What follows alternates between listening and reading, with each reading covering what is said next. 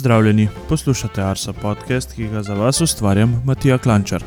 To je 73. epizoda Arso podcasta, v kateri gostim klimatologa Gregorja Vrtačnika. Sprehodila se bo okrog sveta v klimatološke okvire, pa bo umestila tudi leto 2021. Naročite se na naš podcast, v stik z nami pa lahko stopite preko elektronskega naslova podcast.arsoafnago.com ali preko družbenih omrežij.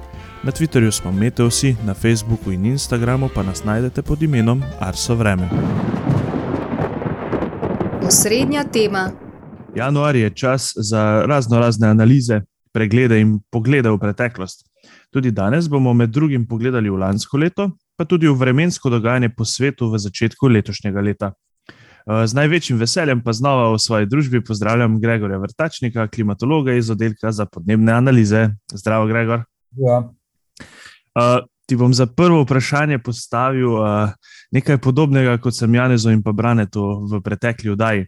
Glede na to, da govorimo zdaj v letu, še v letu 2021, um, kateri dogodek vremenski ali pa kakšen drug uh, povezan z vremenom uh, se ti je najbolj vtisnil v spomin iz lanskega leta? Ja, v lanskem letu, glede na to, da živim na blokah, je bil vsekakor največji dogodek 7. 7. aprila, ko je bilo zjutraj minus 20 stopinj Celzija, pa približno 20 cm snega. To je bila tudi najnižja temperatura v celotni zimi 2020-2021. Drug, recimo, velik dogodek pa je bil ob koncu februarja, ko je bilo izredno toplo, tudi na blokah skoraj 20 stopinj, v Novi Pavski dolini pa se takrat segrelo do 25 stopinj Celzija. Um, ja, zelo zanimivi dogodki, ki smo jih že v pretekli epizodi z Branetom in Pazjanezom tudi lepo osvetlili. Um, prejšnji teden smo tudi pisali na, naši, na naših družbenih omrežjih in pa na naši spletni strani o klimatološkem letu 2021. Uh, kaj so glavni poudarki lanskega leta, kakšno leto smo imeli?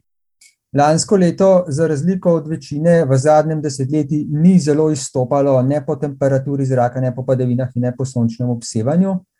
Tako rečemo, da je bilo to kaj normalno, glede na zadnjih 20 let. Bilo je 17 najtoplejše od leta 1961 in najhladnejše hkrati, oziroma najmanj toplo po letu 2013. Odklon je bil nič celih 7 stopinje, glede na referenčno obdobje 1981 do 2010. Uh, Pričemer je bil južni del države nekoliko bolj odstopal od poprečja, na severozahodu je bilo pa kar dokaj normalno toplo, glede na to eh, referenčno obdobje. K pozitivnemu odklonu sta najbolj pripomogla februar in juni. Juni je bil tretji najtoplejši doslej, odklon v obeh mesecih je bil pa približno 3 stopinje in pol, kar je zelo veliko. Na drugi strani smo imeli pa samo tri mesece, ki so bili hladnejši od dolgoletnega povprečja. To so bili maj, april in oktober. Tako da je bila pomlad celo nekoliko hladnejša od dolgoletnega povprečja, kar je zanimivo. Namreč v zadnjih letih je pravilo, da je skoraj vsak letni čas toplejši od povprečja 1981-2010. Mogoče malce bolj izstopajoče je bilo leto po trajanju sončnega obsevanja in po, po, po količini padavin. Bilo je 12. najbolj suho leto v zadnjih 61 letih, Zlasti na jugu, ponekod na notranjskem, pa v suhi krajini je padlo samo 80 odstotkov poprečne količine padavin dolgoletne. Uh, je pa zanimivo, da smo, imeli pa, da smo imeli pa tudi zelo mokro obdobje v letu, recimo januarja, še bolj pa maja, ko je padla več kot dvakratna koli, normalna količina padavin.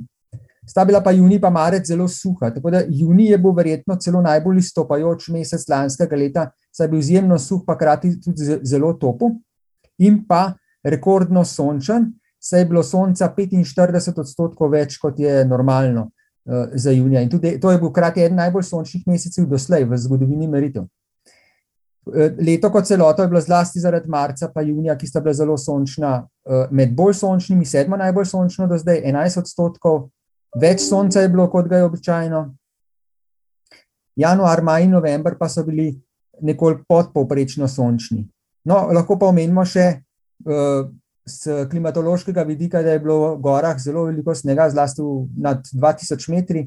Je bilo že konec januarja na Kredarici več kot 5 metrov snega. To je bilo posledica tistih obilnih sneženj, ki so se začela z decembrom in se potem nadaljevala do sredine februarja. Potem je bilo daljše obdobje z dokaj skromnimi padavinami, tudi nadaljevalo daleč v marec in pa do začetka aprila. Potem je pa spet obilne snežilo in konec maja je snežna odeja znova dosegla višino 5 metrov. In koncu maja, začetku junija smo imeli na Krjarici največ snega v zadnjih 50 letih in ta snežna odeja je kljub zelo toplemu juniju izginila šele v začetku julija. Ja, zanimiv pregled. Spomnim se, ko si govoril o sončnem obsevanju, da je vsaj osrednjo Slovenijo malce tale december, verjetno povprečje še malce znižal. No? December, december, ta zadnji december, res ni bil, bog ve kako sončen po nekaterih kutinah, ampak v večjem delu Slovenije pa pravzaprav ni bistveno odstopal dolgoletnega povprečja. Kaj pa na globalni ravni, kaj kažejo prve analize lanskega leta? Ja, na globalni ravni slika dokaj podobna kot recimo v Sloveniji. V Evropi je bilo deveto najtoplejše leto doslej, približno 1,3 stopinje nad povprečjem 20. stoletja, je bilo pa eno leto pred tem, leto 2020 v Evropi najtoplejše. Če gledamo severno poloblo, kopno severne poloble je imelo veliko odklon, približno eno stopinjo in pol nad povprečjem 20. stoletja in je bilo celo tretje najtoplejše leto. Se pravi, če gledamo Eurazijo, Severno Afriko, Severno in Srednjo Ameriko, potem je bilo leto izredno toplo, namreč v nekaterih delih severne poloble, zlasti v severni in zahodni Afriki, bilo leto rekordno toplo, tudi marsikje na Bližnjem vzhodu, Kitajskem, na južni polobli pa je bilo izrazito pretoplo, zlasti v delu Argentine. No, in edino območje po svetu, ki je bilo relativno hladno, je bilo nad Pacifikom, nad vzhodnim delom Pacifika, zahodno od obale Peruja, tam, kjer je večino leta prevladovala La Niña, se pravi hladna faza te oscilacije La Niña in Niño. Tako da je bilo leto zaradi tega pojava, recimo temu le šesto najtoplejše doslej, približno osem desetink stopinje Celzija nad povprečjem dvajsetega stoletja. Bilo pa to seveda tudi eno najtoplejših let za, za to La Niño. Tako da naslednjič, ko bomo imeli spet El Niño, lahko si lahko obetamo celo nov globalni rekord. Greva zdaj na drugi del najinega pogovora. Omenil sem že, da bova pregledala nekaj dogodkov, ki so se zgodili v preteklih štirinajstih dnevih oziroma v začetku letošnjega leta. Po svetu smo izmerili kar nekaj rekordov, tako v, v pozitivnem smislu kot v negativnem smislu. Pa verjetno je bilo tudi nekaj zanimivih vremenskih oziroma nekih pojavov, ki lahko posredno vplivajo tudi na vreme. Pa lahko si izbereš, kje, kje štartava, kaj bova najprej pogledala. Greva naj, najprej v, v, v pozitivne odklone. Ja, saj večino, večinoma so januarja dos, doslej prevladali pozitivni odkloni. Že na novega leta dan je bilo marsikje rekordno toplo. V katerem delu sveta bova začela? Greva v Južno Ameriko. Lahko začneva tudi z Južno Ameriko, ja. Kako je bilo v Buenos Airesu? Poročali so o res ekstremnih temperaturah za ta čas. Ja, vročina je južno, južni del Južne Amerike, zlasti Argentino, Paragvaj, Urugvaj, dosegla že prav v samem začetku leta. 1. januarja je v Paragvaju izmeren nov rekord 45,6 stopinje Celzija. No, in ta prvi vročinski val je potem trajal nekaj dni, prehodno se je nekoliko hladilo, vročina se je pa po 10. januarju znova od juga vrnila. V Buenos Airesu so dvakrat izmerili več kot 41 stopinj Celzija, to je bilo 12. in 15. januarja. V Urugvaju je bil 44 stopinjami Celzija izenačen državni rekord, to je bilo tudi 14. januarja.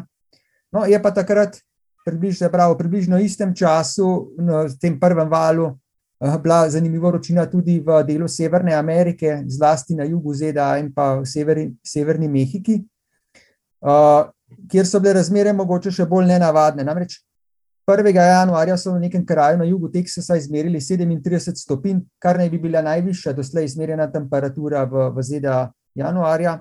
No, dva dni kasneje pa je bilo na isti postaji samo minus 5 stopinj Celzija. To pomeni, da se je v dveh dneh uhladilo za več kot 40 stopinj Celzija in so iz poletne vročine prišli v pravi zimski mraz. Nekoliko južneje v Mehiki pa je bilo 1. januarja skoraj 42 stopinj Celzija. Uh, smo pa imeli rekordne vrednosti tudi v Avstraliji in pa v Evropi v januarju. Um, ja, v Avstraliji je bilo eh, izmerjeno celo več kot 50 stopinj Celzija. Ja, res je. Čeprav je Avstralija, recimo, večinoma puščava, uh, temperatura redko, se redko približa 50 stopinjam Celzija, uh, se je pa 13. januarja v kraju Onslow se grelo celo do 50,7 stopinj Celzija, in s tem je bil izenačen več desetletij star rekord uh, Avstralije. Namreč pred približno 60 leti je bilo enako vroče, približno v, v srednjem delu Avstralije, no zdaj bo pa ta rekordna vrednost izmerjena na zahodni obali.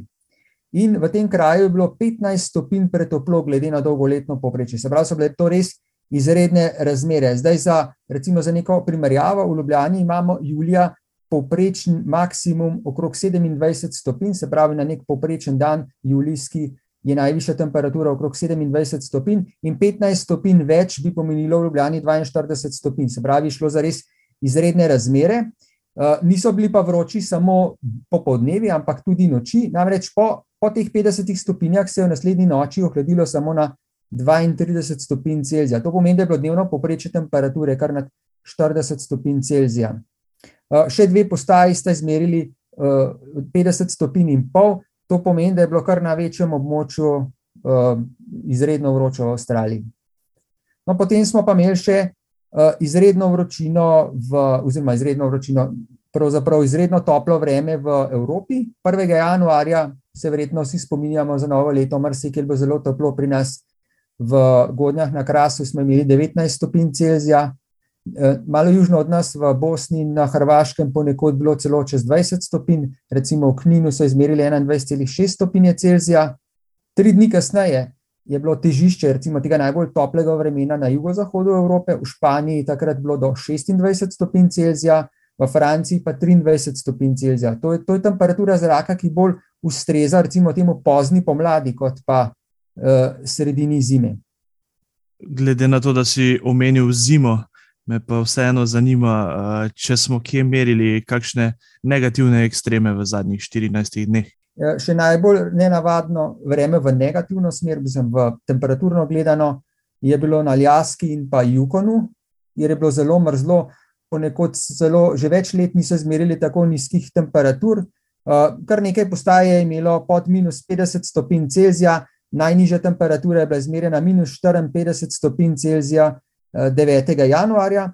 Tako da je bila Severna Amerika v resnici razdeljena med izredno mrzlim vremenom na severozahodu Kanade in pa Ljaski, in pa občasno zelo toplim vremenom nad uh, južnim delom ZDA, pa tudi vzhodnim delom ZDA, kjer pa so bile temperature močno nad dolgoletnim poprečjem.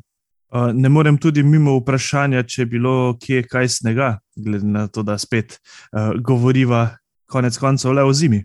Ja, pri nas, kot vidimo, eh, je zapadlo nekaj snega, zlasti ponekod, eh, višjih, ponekod v višjih legah.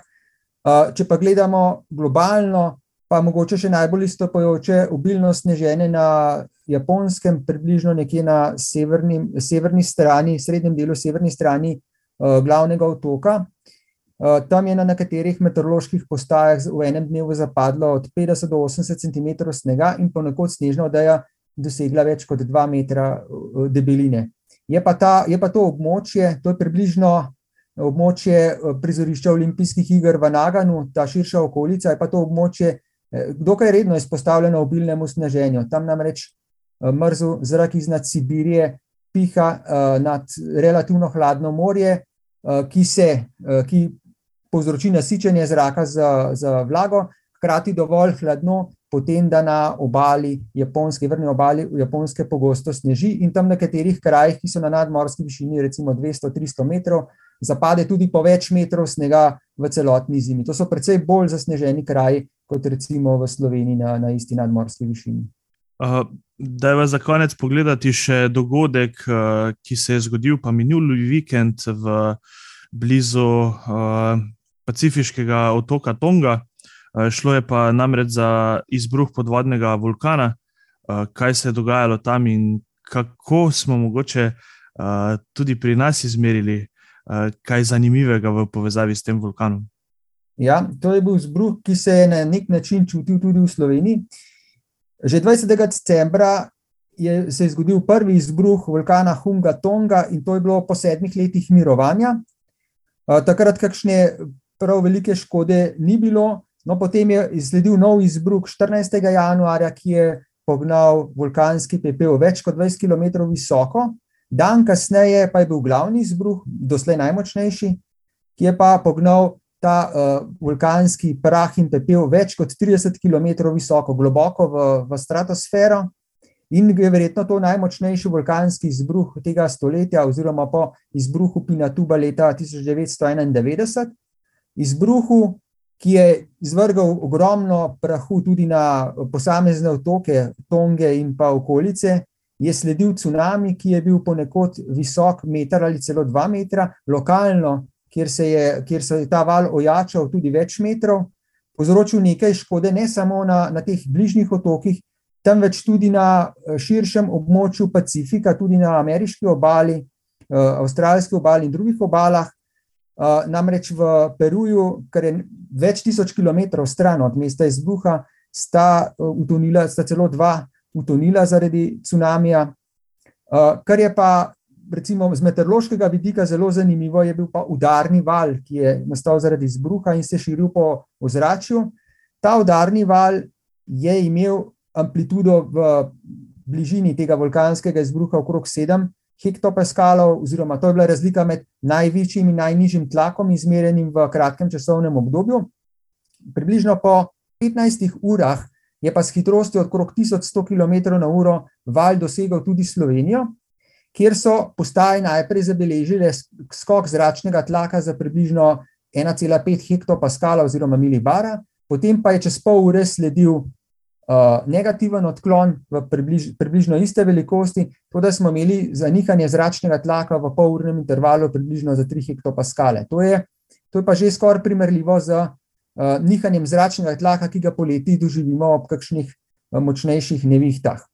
No, kar je zanimivo, da pa po nekaj urah, približno po petih urah po tem glavnem nihaju, je prišla, prišel še en nihaj, ki je bil sicer za približno polovico manjši, Je pa ta uh, nihaj morda pa posledica uh, prispetja udarnega vala z druge smeri uh, Zemlje, se pravi za te daljše, daljše vsi. Se je pa to nihanje potem precej hitro umirilo, tako da v jutru 16. januarja se je recimo to nihanje zračnega tlaka povsem umirilo. Ta vulkanski izbruh naj bi v ozračje um, prinesel približno 400 tisoč ton ugljikovega dioksida, kar se sicer sliši ogromno, je pa le 1 do 2 odstotka tega, kar je izvrgal v zračje iz uh, Pinatubo leta 1991. In ker je vulkan relativno uh, precej južno od ekvatorja, približno na 21 stopinjah, uh, ni pričakovati, da bi, ta, da bi znaten del tega, uh, tega aerosolov, tega ugljikovega dioksida, prišel, uh, žveplovega dioksida prišel tudi na severno poloblo. Da, če bodo kakšne posledice tega izbruha, bodo verjetno vsaj klimatološko omejene na južno poloblo. Um, verjetno še najbolj opazna posledica pa bojo prelepi sončni zahodi uh, oziroma zarje, škarlatne barve, ki jih bodo videvali prebivalci Avstralije, recimo Južne Afrike, Južne Amerike v, v naslednjih mesecih bomo z veseljem spremljali na Instagramu kakšne zanimive uh, fotografije naših kolegov iz uh, Južne poloble. Uh, Gregor, najlepša hvala za ta lep pregled uh, in verjamem, da se bomo ob kakšnih takšnih ekstremih uh, znova srečali in pogovarjali. Ja, hvala tebi tudi za vabilo. Obeti. Obete je tudi tokrat pripravila Veronika Hladnik, zakotnik. Nadaljuje se suho obdobje. Zadnje konkretnejše padavine smo po državi beležili 6. januarja, po trenutnih izračunih pa večjih padavin ne pričakujemo še vsaj teden dni. Kljub temu vreme ne bo zelo enolično. Danes se bo na primorskem pooblačilo, drugot pa bo še pretežno jasno. Popovdne bo zapihal tudi jugozahodni veter, ki bo že napovedal kratkotrajno vremensko spremembo.